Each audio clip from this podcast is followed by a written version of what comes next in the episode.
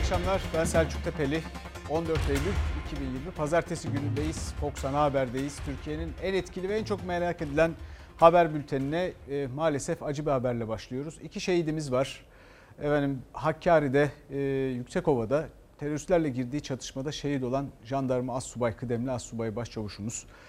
E, ve bir de onun e, defin töreni yapılırken, onu sonsuzluğa uğurlarken Suriye'nin kuzeyinde de Kızılay ekibine bir saldırı. Orada da bir şehidimiz var. Ee, insanlıktan nasibini almamış bu saldırganlar, teröristler bizi yine acıya boğdular.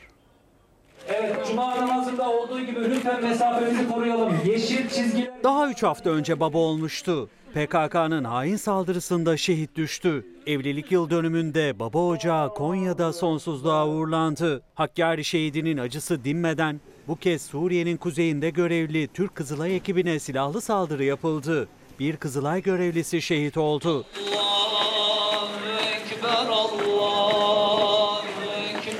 PKK'lı teröristler Hakkari Yüksekova kırsalında Yıldırım Cilo 2 operasyonunda bir mağarada sıkıştırıldı. Çatışma çıktı. İki teröristin ölü olarak ele geçirildiği çatışmada jandarma subay kıdemli çavuş Sinan Aktay şehit düştü. 28 yaşındaki şehit silah arkadaşlarının omzunda dualarla baba ocağına uğurlandı. Şehit jandarma subay Sinan Aktay Konya'nın Akşehir ilçesinde toprağa verildi. Gül Aktay, şehit eşini kucağında daha 20 günlük olan bebeğiyle son yolculuğunu uğurladı. Suriye'nin kuzeyinden de acı haber geldi. Teröristler Türk Kızılay ekibinin bulunduğu araca silahlı saldırı düzenledi. Mehmet Arif Kıdıman şehit oldu. Bir Kızılay çalışanı da yaralandı. 40 yaşındaki şehidin Düzce'deki evine Türk bayrakları asıldı. Şehitlerimize Allah'tan rahmet dileyelim. Yakınlarına da başsağlığı ve sabır dileyelim efendim. Ve e, Akdeniz'e geçelim, Mavi Vatan'a geçelim. Mavi Vatan'daki gelişmeler pek iyi gitmiyor gibi e, eleştiriler var. Şu anda pek de e, insanların bilgisi de yok bu konuda. Biraz kafalar karışık. Mavi Vatan'la ilgili en şu anda tartışılan konu da Oruç Reis'in e, geri dönmesi ve bakım için geri dönmüş olması. Oruç Reis'in geri dönmesini nasıl yorumlayacağız? Yunan basını çünkü bunu geri adım gibi yorumladı. Ankara acaba nasıl bakıyor? E, bunu anlamanın çok basit bir yolu var. E, Oruç Reis ve bunun gibi başka pek çok kararda kimin açıkladığına bakmalısınız. Eğer Cumhurbaşkanı açıklıyorsa kararı ileri adım. Eğer bakanlar açıklıyorsa, başkaları açıklıyorsa Ankara'da geri adım gibi algılıyor demektir. Oruç Reis gemisi bir aydır sismik araştırma çalışmalarını sürdürüyordu. Aylık bakım ve ikmal sebebiyle Antalya e, limanına yakın bir yerde demirledi. Bakımsa bakımı bir hafta tehir edersiniz, 10 gün tehir edersiniz.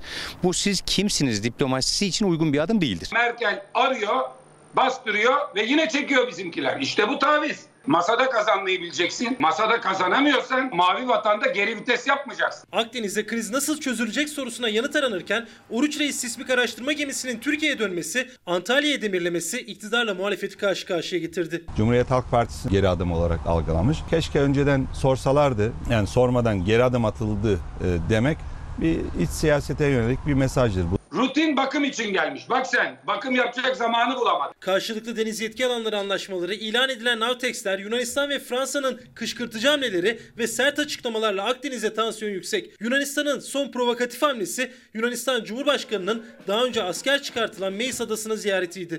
Barış istiyorsanız daima savaşa daha hazırlıklı olmalısınız. Yunanistan Cumhurbaşkanı Meis ziyareti sonrası CNN International'a yaptı bu açıklamayı. Onunla eş zamanlı Milli Savunma Bakanı Hulusi Akar'ın Kaş'ı ziyaret etmesi de Atina yönetimine açık mesajdı. Ama aynı gün Oruç Reis gemisinin Akdeniz'deki faaliyetlerine ara verip Antalya'ya dönüşü soru işareti yarattı. İlgili bakanlığımızın yaptığı çalışmalar çerçevesinde planlı bir faaliyet var. Oruç Reis çalışma prensibi gereği ayda bir planlı bakım, personel değişimi ve sonraki görev hazırlıkları için limana dönmektedir. Gemi, ikmal ve bakım işlemlerinin ardından sismik arama ve araştırma faaliyetlerine devam edecektir.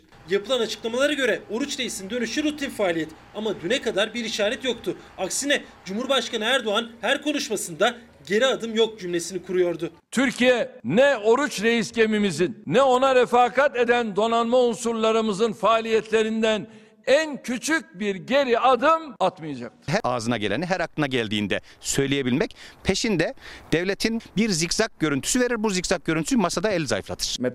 Oruç Reis'in dönmesi olumlu bir ilk adım. Devamının gelmesini umuyorum. Bu yaptığımız rutin faaliyet diye takdim edilen işin sanki 24'ünde görüşülecek olan Avrupa Birliği'nin yaptırımlarından evvel bir böyle geri adım gibi algılanabilir bir tarafı var. Ben 25 Eylül'de bir yaptırım kararı beklemiyorum ama olabilirdi. Böyle bir ihtimal de var. Gemimize yönelik, şirketimize yönelik. Amerika Birleşik Devletleri silah ambargosunu kaldırarak geleneksel duruşunu Türkiye'nin aleyhine değiştiriyor. Burada endişe duyulacak bir durum varsa Amerika'nın ve Pompeo'nun attığı adımlardır. Mevlüt Çavuşoğlu Rum kesimini ziyaret eden Anastasiadis'e mutabakat muhtırasına imza atan Amerika Dışişleri Bakanı Pompeo'ya da tepki gösterdi. Oruç Reis'in faaliyetlerine ara vermesi üzerinden bir kez daha Yunanistan'a seslendi. İyi niyet olarak da değerlendirebilirsiniz dedi. Esasen bu rutin bir çalışmayı çelişkili açıklamalar yapmak yerine iyi niyetle değerlendirilebilir. Sevilla haritasının geçersiz olduğunu söyleyebilir. İşte Sevilla haritası burada. Bize ne kadar bırakılmış? Yunanistan'a ne kadar bırakılmış? İyi niyetli olsa bu şekilde değerlendirebilir. Bugünkü hashtagimiz ipin ucu kaçtı. Tabi bunlar bütün bu başlıklarla birlikte ele alındığında bir şey ifade ediyor. Oruç Reis'in sessiz sedasız dönmesi de öyle. Biraz önce anlattık nasıl bakılması gerektiğini. Bugünkü e, tabelamız ipin ucu kaçtı. Hangi konularda nasıl kaçtı siz nasıl hissediyorsunuz? Dolayısıyla bunu bize yazın. Biz de burada elimizden geldiğince okuyalım.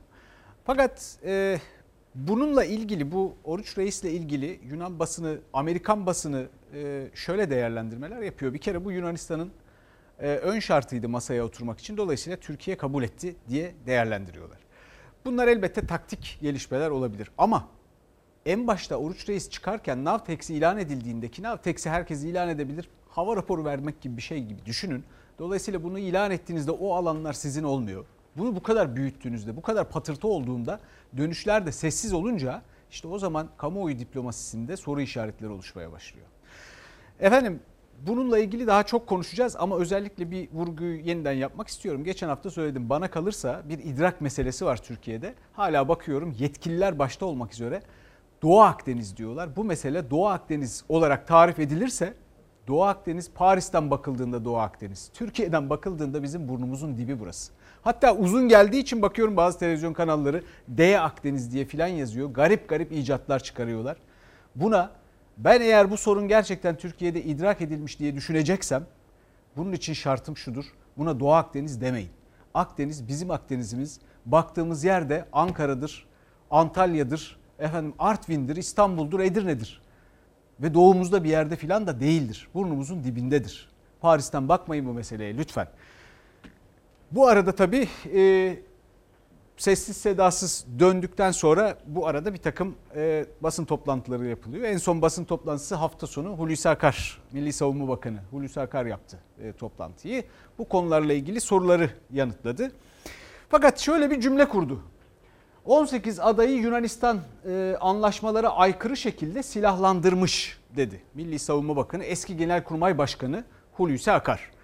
E, Hüseyin kardeşim ben rejiye sormak istiyorum. Hüseyin kardeşim sen bu arada neredeydin acaba?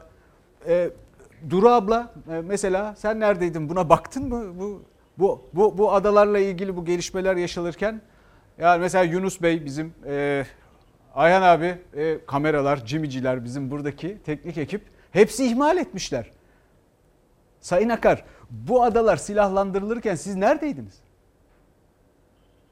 18 ada Yunanlı komşularımız tarafından anlaşmalara aykırı bir şekilde silahlandırılmış, oraya asker konuşlandırılmış. Günaydın. Sayın Bakan'a günaydın. Meis Adası'nı silahlandırıyorlar. Oralarda varlık iddiasında bulunuyorlar. Silahsızlandırılma ama taahhütünde bulunan uluslararası hukuktan doğan yükümlülükleri ihlal ediyorlar. Bütün bunlar olurken bizim hükümetimiz nerede hükümetti? Yunanistan'la yaşanan Akdeniz geriliminde Milli Savunma Bakanı Hulusi Akar'ın adalarla ilgili sözleri de yeni gündem maddesi. Bakan Yunanistan adaları silahlandırdı dedi. Muhalefet arşivi açtı. Biz adalar dedikçe onlar İsmet İnönü'ye, Lozan'a saldırmaya başladılar. Burnumuzun dibindeki adalara askeri üsler, askerler koyamayacaklarını söylüyorduk.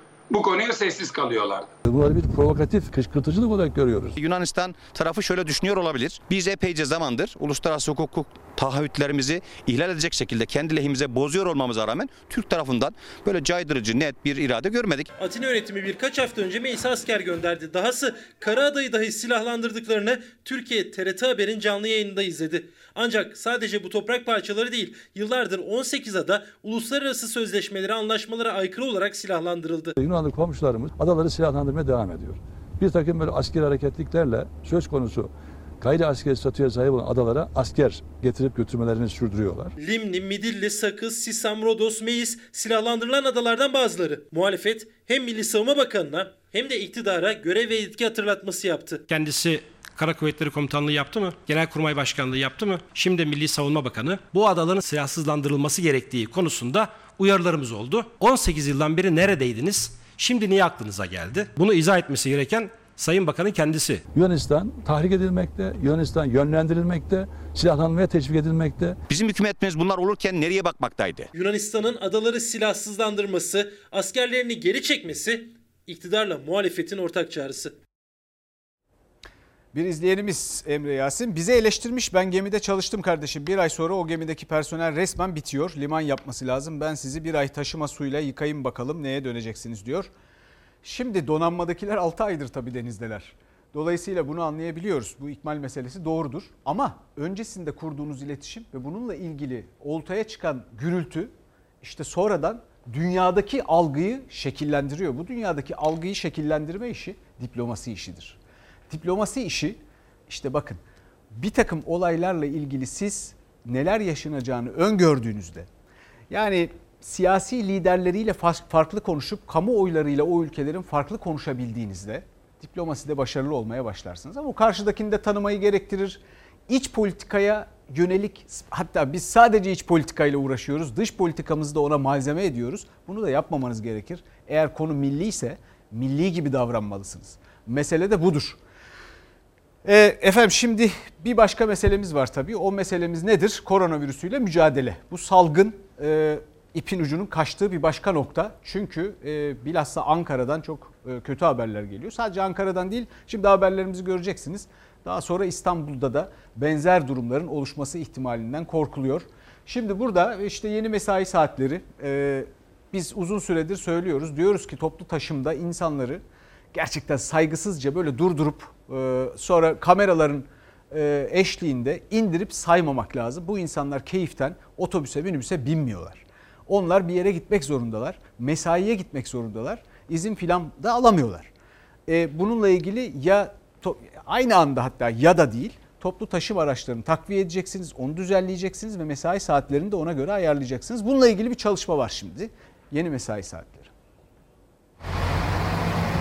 Bölgeler arasında ciddi bir fark var. Bu daha önce Güneydoğu Anadolu'da çok yüksekti. Şimdi Orta Anadolu, Karadeniz diye dolaşmaya başladı. Şu anda Ankara'da karşımıza çıkan günlük olgu sayısındaki çok ciddi artış İzmir'de ve İstanbul'da da ses veriyor. Virüs dolaşıyor, dolaştıkça da can almaya devam ediyor. Son 24 saatte 57 hasta daha hayatını kaybetti. Günden güne artan ağır hasta sayısı ise 1267'ye ulaştı. Uzmanlar salgının merkezi halini alan Ankara'ya dikkat çekerken tehlikeli artışın İzmir ve İstanbul'a da hızla kayabileceğini söylüyor. Ankara'daki gibi İstanbul'da da mesai saatlerinin güne yayılması üzerinde çalışılıyor. Sadece kamu değil, özel hep beraber biz aynı ulaşım araçlarını en verimli ama sağlığımızla ilgili bize sıkıntı yaratmayacak şekilde nasıl kullanacaksak bunun üzerinde duruyor. Yani dip dibe gidiyoruz. Sosyal mesafe diye bir şey yok. Yaysa biraz daha korona açısından, hastalık açısından bizim için iyi olur. Uzmanlar Ankara'nın ardından İstanbul'da da vaka sayılarında artış yaşanabileceğine dikkat çekiyor. Bu nedenle İstanbul'da yeni önlemler kapıda.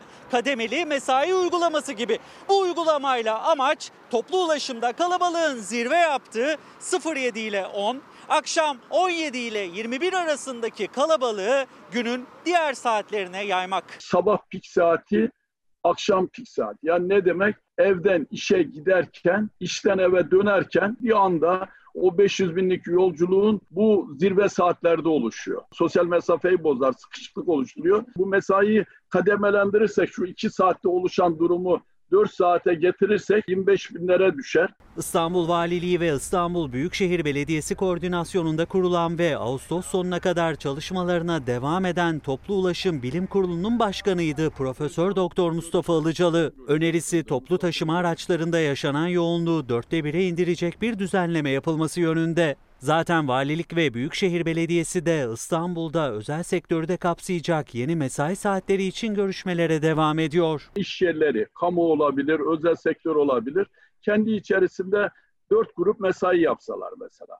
Birisi sabah 7'de başlasa bir grup, 8'de başlasa, 9'da başlasa, 10'da başlasa. Bu rakamın 4'te 1'e düşeceği açık bir gerçek. Valilik, büyükşehir, belediyelerimiz, kaymakamlarımız, meslek odalarımız, kolluk güçlerimiz birlikte çalışıyoruz. Ve yakın zamanda sizler aracıyla İstanbul'umuza bunu paylaşacağız. İstanbul Valisi'nin duyurduğu tüm bu hazırlıklara sebep olansa hızla artan ve önüne geçilemeyen vaka sayıları. Son tabloda 1527'ye yükseldi günlük hasta sayısı. Salgının başından bu yana koronavirüs nedeniyle yaşamını yitirenlerin sayısı ise 7000'i aştı. Çalar Saat'te İsmail Küçükkaya'nın konuğu olan halk sağlığı uzmanı Profesör Doktor Kayıhan Pala'ya göre ise vaka sayılarını artıran etkenlerin başında hastalık tespit edilenlerin ya da şüphelenilenlerin eve gönderilmesi geliyor. Dışarıda izolasyon diye bir kavram olmaz. İzolasyon şu demek. Bir kişiye hastalık tanısını koyarsanız onu toplumdan ayırırsınız.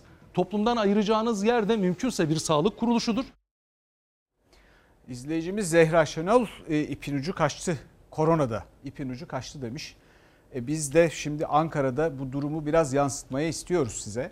E, bu önemli bir şey çünkü e, şimdi bunun herkes hissettiği için ipin ucunun kaçtığını ve daha tehlikeli günlerin geldiğini herkes de dile getirmeye başladığı için en son Dünya Sağlık Örgütü Ekim ve Kasım'ın çok tehlikeli olacağını ifade etti.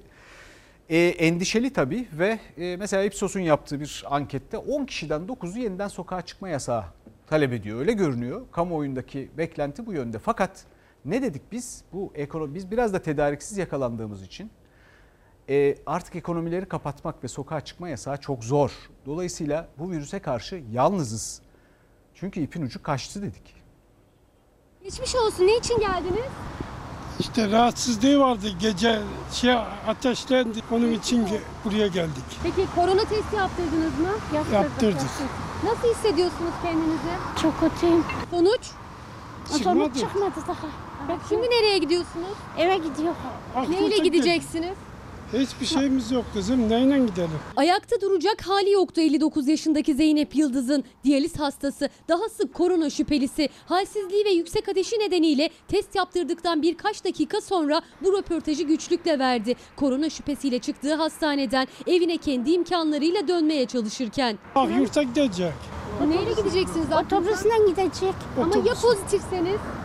Bilemiyorum ne yapayım. Yapacak bir şey yok yani. Akyurt'a gitmek için kaç vasıta araç kullanacaksınız? Oradan dolmuşa binecek. Oradan da otobüse. İki araç. Yok, Ayakta zor ayakta duracak. duruyorsunuz. Vücutumda ağrılar çok fazla. Üşüyorum. Bulantı var. Yemek yedirmiyor bilmiyorum. Akşam bir anda oldu. Burası Ankara'da ulaşımın en kolay, hasta yoğunluğunun ise en yüksek olduğu hastanelerden biri Gazi Hastanesi. Test ya da muayene için gelen hastalar içeri büyük bir tedirginlikle giriyor ama riskin büyüğü çıkışta başlıyor. Biz ayakta duramıyor kızım. Elleriniz titriyor. E Zaten rahatsız. Ayakta duramıyorum, duramıyorum. 59 yaşında Zeynep Yıldız diyaliz hastası gece ateşlenince engelli eşiyle yine otobüsle geldi hastaneye. Üstelik iki toplu ulaşım aracı kullanarak Covid testini yaptırdı çıktı. Bize hiç olmazsa ulusa bıraksınlar. Başkasına da sebep olmak hiç olmazsa. Hiç kimse yardımcı olmuyor. Böyle kendi imkanlarımızla gelip gidiyor. Taksiye binseniz. Tavsiye Taksiye binmek özürlü aileye alıyor kızım. İşte riskli bir yolculuğun hikayesi tam da böyle başlıyor. Koronavirüs şüphesiyle test yaptıran kişiler için bakanlığın da hastanelerin de servis hizmeti yok. Her hastaya ambulans verilmesi de imkansız. Testi yaptıran özel aracı yoksa otobüsle dolmuşla evine dönüyor. Bindikleri toplu ulaşım aracındaki herkes de risk altına giriyor. Test mi yaptırdınız? Evet. Sonuç ne zaman çıkacak dediler. Yarın sabaha çıkıyor. Şimdi nasıl gideceksiniz? Buradan biraz yürüyeceğiz toplu taşımayla. Arabamız olmadığı için. Hangi ilçeye gidiyorsunuz? Ankara Sincan'dayız biz. Sincan'a kaç vesait? Sadece bir trenle gideceğiz, biraz da yürüyeceğiz. Ambulans geldi baktı öyle E, ya dedi ben sizi hastaneye götürürüm ama geri getiremem. Nasıl geri geleceğiz abi? Otobüsle abi dolmuş. Ya abi böyle bir şey mi olur diyorum milleti.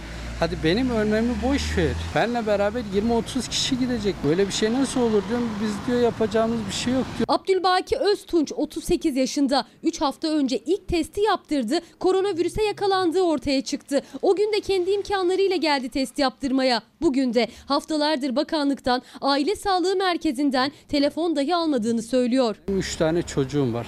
Onlar da pozitif çıktı mı? Vallahi hiç kimse gelip bakmadı bile.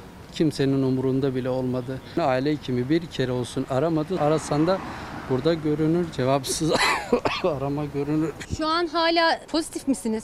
İşte sonuçları verdik bekliyoruz. Sabah geldim. O da Sağlık Bakanlığı'nı aradım. İl Sağlık Müdürlüğü'nü aradım. Öyle aldılar yoksa gene muayene etmeyeceklerdi. Ben şöyle bir şey anladım ki hani abi ölüyorsan evinde öl diyor. Yani hiç bizi yorma. Öl evinde yapacak bir şey yok.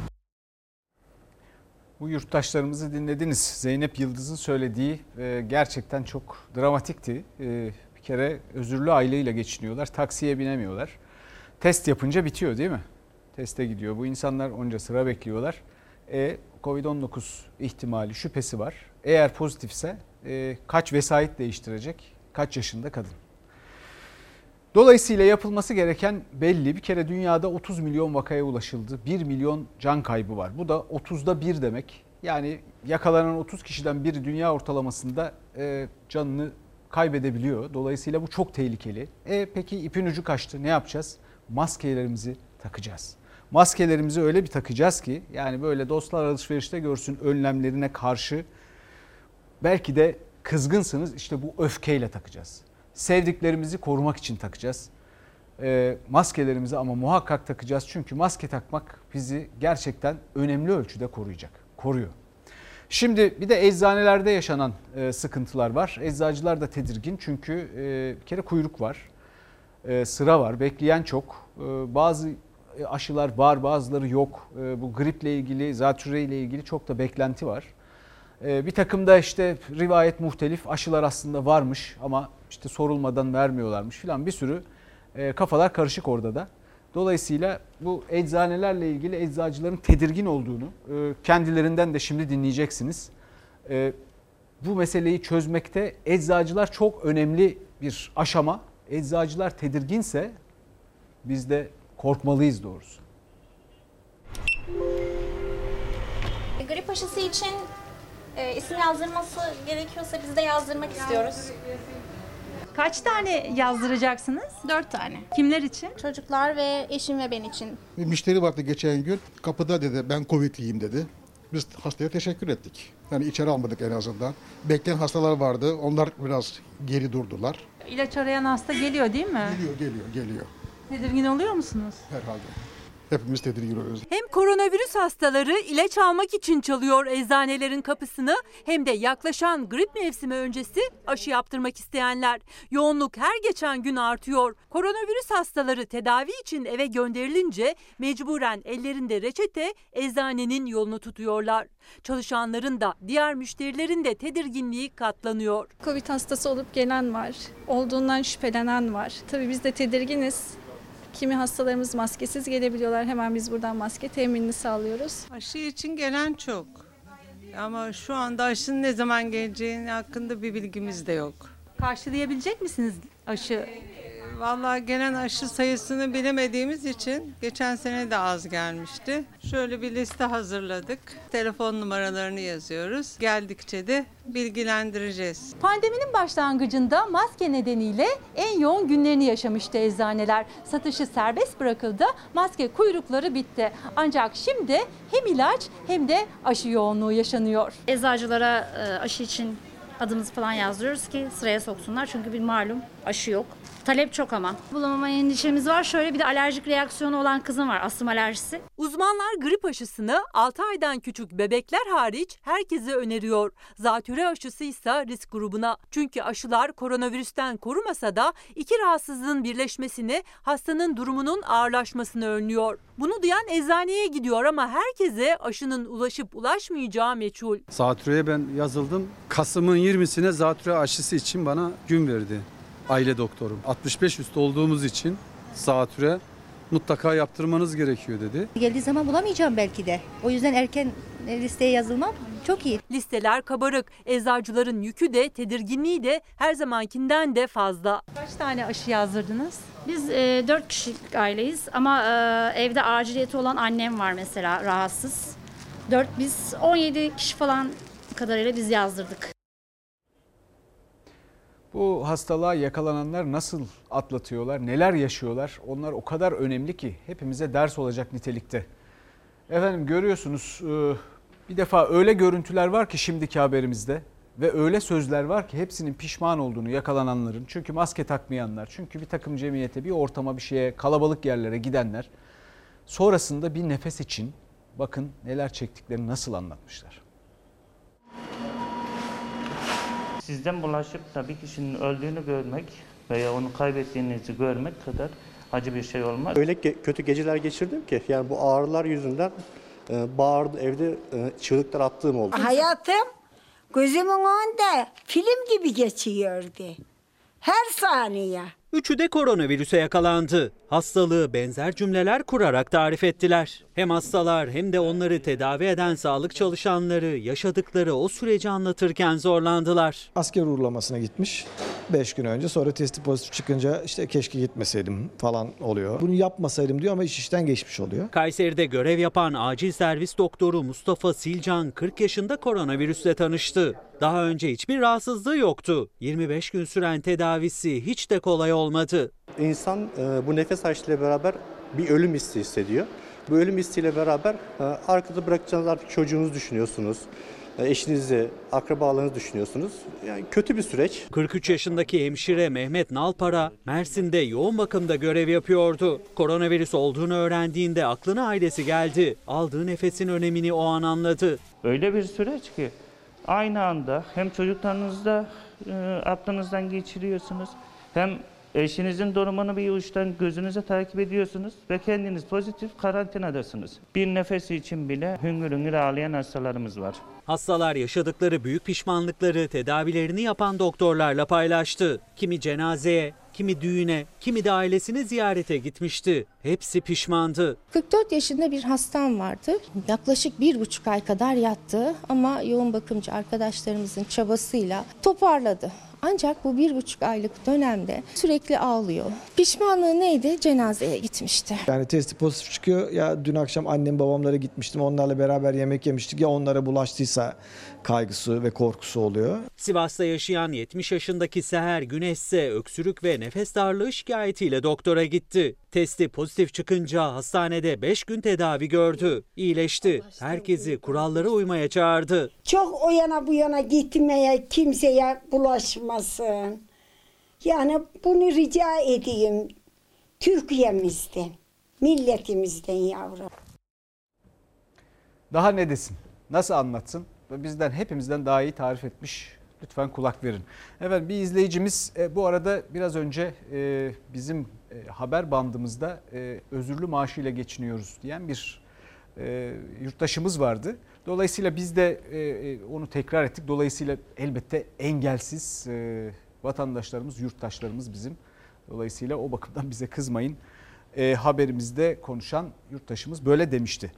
Ee, bir izleyicimiz yine Gizem demiş ki üniversiteler 7 aydır kapalı. Biz ne zorluklarla buraları kazandık ee, ama okullarımıza gidemiyoruz. Dolayısıyla e, okullarımız açılsın bir formül bulunsun. E, gerekirse hibrit olsun diyor. E şimdi bütün dünyanın gündemi okullar. Ben burada e, bir haftadır yani bunu sürekli her türlü ayıplanma ve eleştirme, eleştirilme pahasına gündemde tutuyorum. Okulların açılması çok önemli diye. Üniversiteler önemli elbette ama özellikle e, ilkokul ve ilkokulun ilk birkaç sınıfı ve okul öncesi çok önemli. Bununla ilgili detaylı bir biçimde konuşacağız ama şimdi göreceksiniz koşullar ve eğitimle ilgili durum nedir? Bugünkü dersimizin adı karma karışık. 180.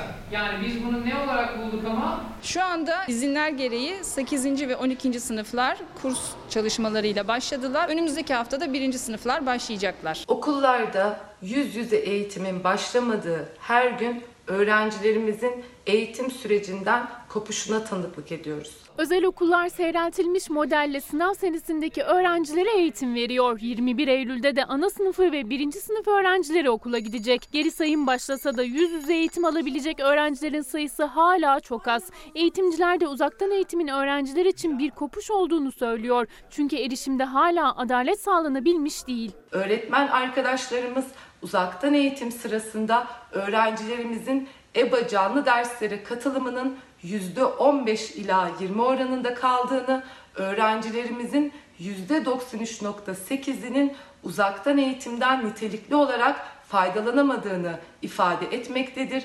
Eğitim Sen'in uzaktan eğitim çalıştığı raporuna göre öğretmenlere soru da sorulabilen canlı derslere katılım her 5 öğrenciden yalnızca biriyle sınırlı. Yüz yüze eğitim içinse tüm tedbirlerin çok sıkı bir şekilde alınması lazım ama okullar buna hazır değil. Gerekli ve yeterli önlemler bir an önce alınmalıdır.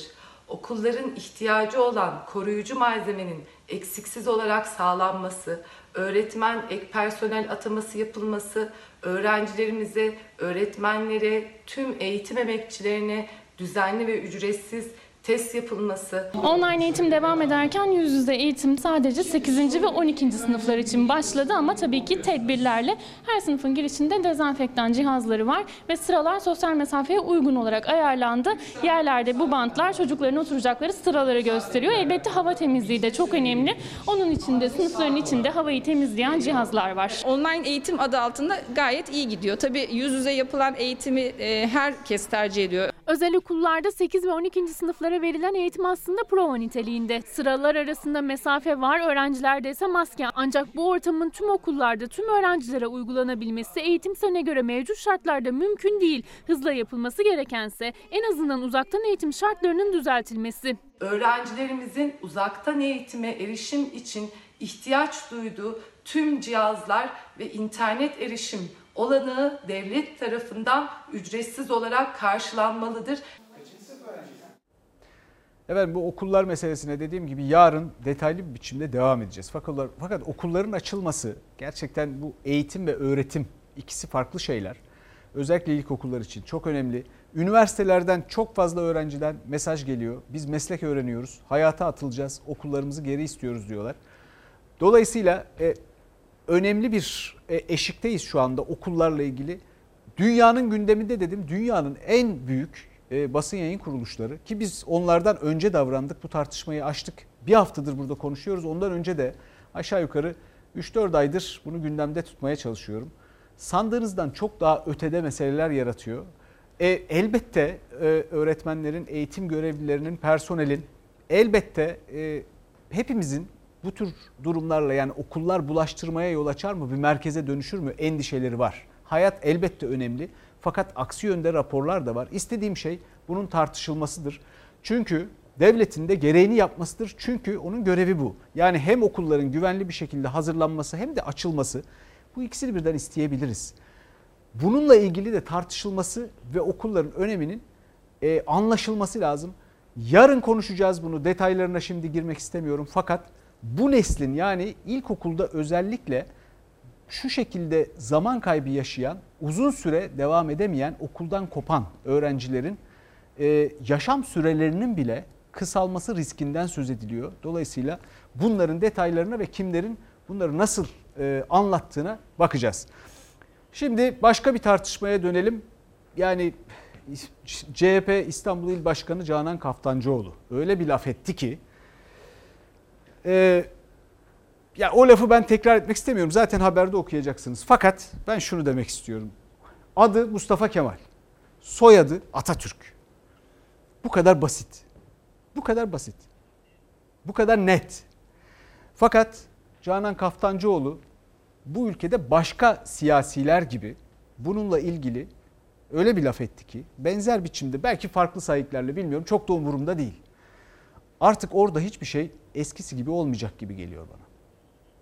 Egemenlik kayıtsız şartsız milletindir diyen Gazi Mustafa Kemal'e anlamadan, bilmeden Atatürk diyemeyen bir il başkanına gereken ders verilmezse bu bizim en büyük ayıbımızdır. Bizim il başkanımız Atatürk'e laf söylemiş. Öyle bir şey yok. Partimizde Atatürk e, soyadından rahatsızlık duyacak değil bir il başkanı. Yani bir üye dahi olamaz. CHP İstanbul İl Başkanı Canan Kaftancıoğlu parti içinde tartışılan isim oldu. Nedeni Atatürk demek yerine sadece Mustafa Kemal ifadesini kullanması ve kendime ait hissettiğim için savunması. Kişilerin isimlerinden söz ederken belirli alışkanlıklarla bunların özel atıflarla kategorize edilmesine karşıyım. Yıllardır kullandığım gibi bu şekilde ifade etmek kendime ait hissettiğim bir ifade olduğu için tercih ediyorum. Ortada bir Atatürk tartışması yok.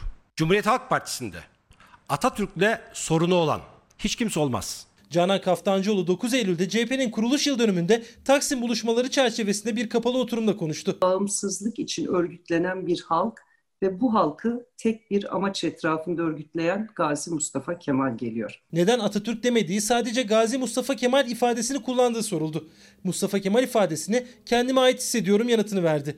Bu sözleri Sözcü gazetesine haber olunca CHP il başkanı Atatürk ifadesini kullanmıyor tartışması alevlendi. Gazi Mustafa Kemal Atatürk milli mücadeledir, kurtuluştur, kuruluştur, cumhuriyettir, akıldır, bilimdir, devrimdir. Varlığı en büyük zaferimizdir. Böylesi bir dönem ve gündemde bu açıklamayı yaptırmak zorunda bırakanları Atatürk hayatta olsaydı önce sizleri ve klavye Atatürkçülerini sopayla kovalardı diyerek vatandaşın aklına, vicdanına ve hafızasına teslim etmiş olayım. Kaftancıoğlu eleştirilere yanıt verdi. CHP yönetimi de İstanbul İl Başkanı'na sahip çıktı. Teknik olarak da haberleştirilmesi sorunlu bir yer var. Kapalı bir toplantının soru cevabında söylenen bir sözü akılda kaldığı kadarıyla yazmışlar. Bizim il başkanımız Atatürk'e laf söylemiş. Öyle bir şey yok. Partinizde Atatürk soyadından rahatsız bir il başkanı olduğunu cümle alem duydu. Zaten o il başkanı da inkar etmiyor. O il başkanına tek söz söyleyememenden anladık ki siyasi çıkar söz konusu olunca Atatürkçülüğü de bir kenara atıyorsunuz. Besli Deli Kadir hastaydı.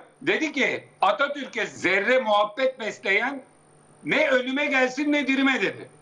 Bunlar dirisine Diyanet İşleri Başkanı'nı yolladılar.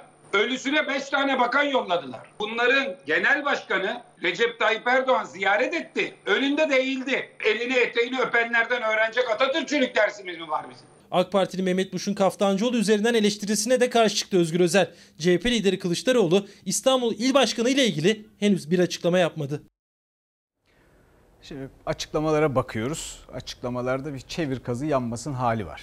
E, fakat bu arada CHP'nin İstanbul e, İl Başkanı Kaftancıoğlu iktidar partisine de siyasi değerlendirmeler yaptıkları için söylüyorum. Seçim stratejisiyle ilgili sufleyi vermiş. Dolayısıyla e, durum şimdi şu anda bu. E, fakat başka bir mesele var. Şimdi insanoğlu aklıyla ayrıştığını düşünüyor ya tabiatta başka bütün canlılardan. İnsanın en zayıf noktası akıl. Bu ciddi filozoflar bu konuda çok ilginç laflar etmişler. Ben detayına girip de isim sıralamayacağım canınızı sıkmamak için şimdi ama insanın aklı aslında en zayıf noktası. Niye? Çünkü bittiği yerde saçmalamaya başlıyorsunuz işte böyle. Efendim şimdi bir de Avrupa Anayasa Mahkemesi ile ilgili e, bir e, tartışma var. Anayasa Mahkemesi bir karar verdi. Verdiği karar şehirler arası karayollarında gösteri yürüyüşleri düzenlenemez e, hükmünü iptal etti. Verdiği karar bu. İçişleri Bakanı Süleyman Soylu da Anayasa Mahkemesi Başkanı'nı eleştirdi. Eleştirirken de dedi ki madem özgür bir ülkeyiz polis koruması almana gerek yok. Haberi izleyelim. Üstüne e, bunun aslında ne manaya geldiğini, bunun hukukun üstünlüğüne nasıl zarar verebileceğini konuşalım. Anayasa Mahkemesi Başkanı'na söylüyorum. Madem özgür bir ülkeyiz ya. Öyle ya. Ana caddelerde, ana arterlerde özgürce yürüyüş hakkının ortadan kaldırılmasını geçen gün onayladınız. Ya polis korumayı almana gerek yok ya. Bisikletinle işe git gel bakalım. Hadi git gel. Anayasa Mahkemesi Başkanı Zühtü Arslan'ı direkt hedef aldı İçişleri Bakanı. Nedeni Yüksek Mahkemenin verdiği karar. Mahkeme şehirler arası karayollarında gösteri ve yürüyüş düzenlenemez maddesini iptal etti. Soylu'ya tepki muhalefetten geldi. Hadi git. Niye polis koruma arıyorsun? Niye eskortlarla geziyorsunuz o zaman? Ben varım sen var mısın? Sayın Anayasa Mahkemesi Başkanı. Anayasa Mahkemesi Başkanı'na bisiklete bin veya arabanla tek başına gez bakalım diye gözdağı veriliyorsa vatandaşın hali nice olur diye sormak lazım. Ne demek istiyorsunuz? Sokağa yalnız çıkmayalım mı? Güvenliğimiz tehlikede mi? Anayasa Mahkemesi'nden işlerine gelen bir karar çıkarsa alkışlıyorlar. İşlerine gelmeyen bir karar çıkarsa çıkıp ağır eleştirilerde bulunuyorlar. Bu doğru bir düzen değil. Şehirler arası karayollarında toplantı ve gösteri yürüyüşünü yasaklayan madde gerekçesiyle baro başkanlarının Ankara'ya girişine izin verilmemişti. Tazminatını alamadığı için başkente yürüyüş yapmak isteyen Somalı maden işçileri de aynı kanun maddesiyle durdurulmuştu. Roma'nın çıkışına kadar almış olduğunuz izinle beraber yürüyebilirsiniz. Bakır'dan itibaren geçişinize kesinlikle izin vermeyeceğiz. Sayın Anayasa Mahkemesi şehirler arası karayollarında gösteri yürüyüşleri düzenlenemez maddesinin iptaline karar verdi. İçişleri Bakanı Süleyman Soylu öfkesini Yüksek Mahkeme Başkanı Zühtü Arslan'ı da hedef alarak dillendirdi. Bütün şehirler arası yollar her türlü eylem ve etkinliğe açık. Açarız. Dertlerini Anayasa Mahkemesi Başkanı'na anlatsınlar. Muhalefetin fişleme diyerek karşı çıktığı kamuya personel alımında güvenlik soruşturması yapılmasına ilişkin düzenlemeyi de iptal etmişti Anayasa Mahkemesi. İçişleri Bakanı o kararı da hatırlattı. Güvenlik tahkikatları iptal ettik. Nesini iptal ettiniz? Sizin böyle bir hakkınız yok. Yok. Bu özgürlükleri engeller. E peki yarın öbür gün eyvah para etmez. Ben anlamıyorum. Bu ülkeyi nereye götürmek istiyor Anayasa Mahkemesi? Güvenlik soruşturmasını kaldırın. FETÖ'cüler girsin. Ne olacak? PKK'cılar girsin. AK Parti iktidarı bitmiştir demek yanlış olur. Bu iktidar çürümüştür. İçişleri Bakanı Anayasa Mahkemesi Başkanı'na açıktan gider yapıyor. Devleti de çürütmeden bir an önce sona ermeli bu iktidar. Anayasa Mahkemesi'ne bu şekilde hitap etmesi yakışık almamıştır. Anayasaya aykırı bir dil, yaklaşım biçimidir. Kendisini de istifaya davet ediyoruz. Muhalefet bakana tepki gösterirken Anayasa Mahkemesi Başkanı'nda gözler. Bir açıklama yapıp yapmayacağında. Anayasa Mahkemesi bir karar verir. Bir hukuk devletinde herkesi bağlar. Eleştirilebilir mi? Elbette eleştirilebilir. Kıyasıya eleştirilebilir. Sayın Soylu da bunu yapmış ama böyle kişiselleştirmesi ve aynı zamanda bu kişiselleştirmeyi gördünüz. Böyle bu şekilde yani sen koruma istersen e, işte bakalım korumasız e, bisikletle git gel diye. İşte o zaman e, o zaman ipin ucu kaçar. O zaman hukukun üstünlüğünden bahsetmek çok zorlaşır. Koronavirüsüyle ilgili son bugünkü rakamlar geldi ve bugünkü rakamlar iyi değil. Bir kere 180'in üzerinde vaka sayısında artış var. 1716 dün 1500'lerdeydi vaka sayısı. Bugünkü vefat sayısı da 63 dün 57 idi. 1527'den 1716'ya yükselmiş. 189 artış var. Dolayısıyla e, bu tablo bize e, iyileşenlerin sayısında da bir miktar artış var. Ama ağır hasta sayısı artıyor. O önemli. Ağır hasta sayısı e, bizim açımızdan hem e, bir yandan bu yoğun bakım ünitelerinin doluluğu açısından hem hepimizin morali açısından son derece önemli ama onda da bir artış var. 1301 olmuş 1267 idi. Çok ciddi bir artıştan söz ediyoruz ağır hastada. Bir de dünyadaki son duruma bakalım.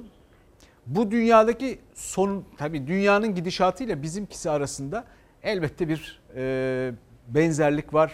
Eğer orada da ipin ucu kaçmış durumda. Biraz önce size bir takım rakamlar verdim. E, bizde de ipin ucu kaçtığında benzer durumlar, benzer tablolar oluşacak. Dünya Sağlık Örgütü Ekim ve Kasım aylarında salgının daha ölümcül hale geleceğini açıkladı. İsrail vaka artışını önlemek için 3 haftalık karantina kararı aldı. Covid-19 salgınında bilanço ağırlaşıyor. Dünya genelinde şu ana kadar 930 bin kişi yaşamını yitirdi. Son günlerde hızlanan vaka artışı yeni bir rekor getirdi. Son 24 saatte 307.930 kişi hastalığa yakalandı. Dünya Sağlık Örgütü Avrupa Direktörü Hans Klauk, salgının Ekim ve Kasım'da artacağını dikkat çekti. Önümüzdeki iki ayda daha fazla ölüm yaşanacağı uyarısını yaptı. Virüsün hızla yayıldığı İsrail'de günlük vakalar 4000'e çıktı. Artış üzerine hükümet ülke çapında ikinci kez karantina kararı aldı. 3 hafta sürecek karantinada okullar, restoranlar ve ibadet yerleri kapanacak. Eczane ve marketler ise açık kalacak. Vatandaşlar evlerinden 500 metreden fazla uzaklaşamayacak. Efendim şimdi e, Fox yeni yayın dönem tanıtımını izleyeceksiniz. Ben olsam kaçırmazdım. Çünkü e, bir kere içindeki şifre daha daha Fox. E, bakalım neler varmış. Bir arkadaşım dedi ki güzel haber yapıyorsunuz fakat hiç mi hayatta güzel bir şey olmuyor? Hiç onlardan bahsetmiyorsunuz. E, bence doğru söylüyor. Hayatta güzel şeyler de elbette oluyor. Onlara sıra geliyor mu? E, çok hayati meselelerle ilgili gerçekten söylenmesi gereken şeyleri pek söyleyen olmadığı için söylemeye çalışıyoruz. E, ama güzel şeylere bakmak da istiyoruz doğrusu. Belki burada şu vakitte arada belki haberlerin arasında da değiniriz. Ünlü bir yazar diyor ki güzel şeylerde çirkin anlamlar bulmak bir hatadır. Güzel şeylerde güzel anlamlar bulmak işte o umutlu, umut veren insanların yapabileceği bir iştir. Kültürü e, ve zevkleri gelişmiş insanlardır onlar diyor. Türkiye'de iyi insanlar, vicdanlı insanlar, güzel şeylerde güzel anlamlar bulan insanlar var. Hepimiz için umut kaynağı onlar. Etrafta güzel şeylere bakalım. Onları da görmeye çalışalım. Ben geçenlerde bir ışıkların bile, trafik lambalarının bile olmadığı bir yolda bir köpeğin ilk adımını attığı andan itibaren gidiş geliş bir yol.